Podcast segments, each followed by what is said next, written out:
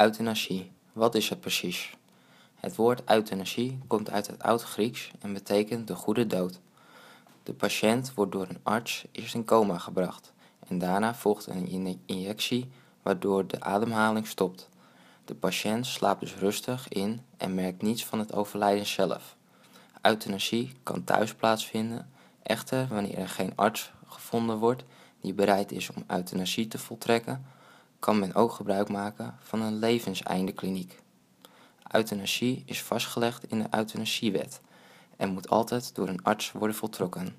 Er zijn zorgvuldigheidseisen vastgesteld waaraan de arts zich moet houden, anders is het beëindigen van iemands leven strafbaar, ook al is het iemands innigste wens. Slechts de patiënt zelf kan om euthanasie vragen. Familie is daartoe niet bevoegd.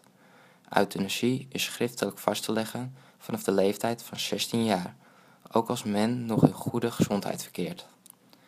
Alternatief voor euthanasie: afzien van een medische behandeling, maar dat zal lijden niet voorkomen.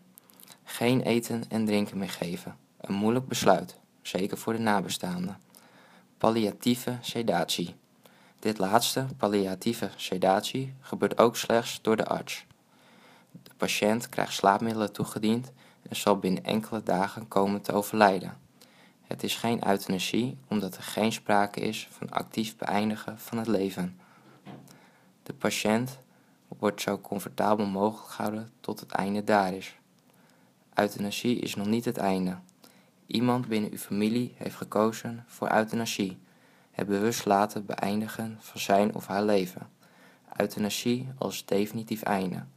Echter, voor de nabestaanden is euthanasie niet het einde. Zij moeten door. In feite worden zij voorbestaanden. Er moet immers na de euthanasie nog een afscheid en uitvaart worden geregeld. Alle kennis en kunde van Meride staat erbij ter beschikking. Meride zorgt voor een soepele overgang van euthanasie naar een waardig en respectvol afscheid.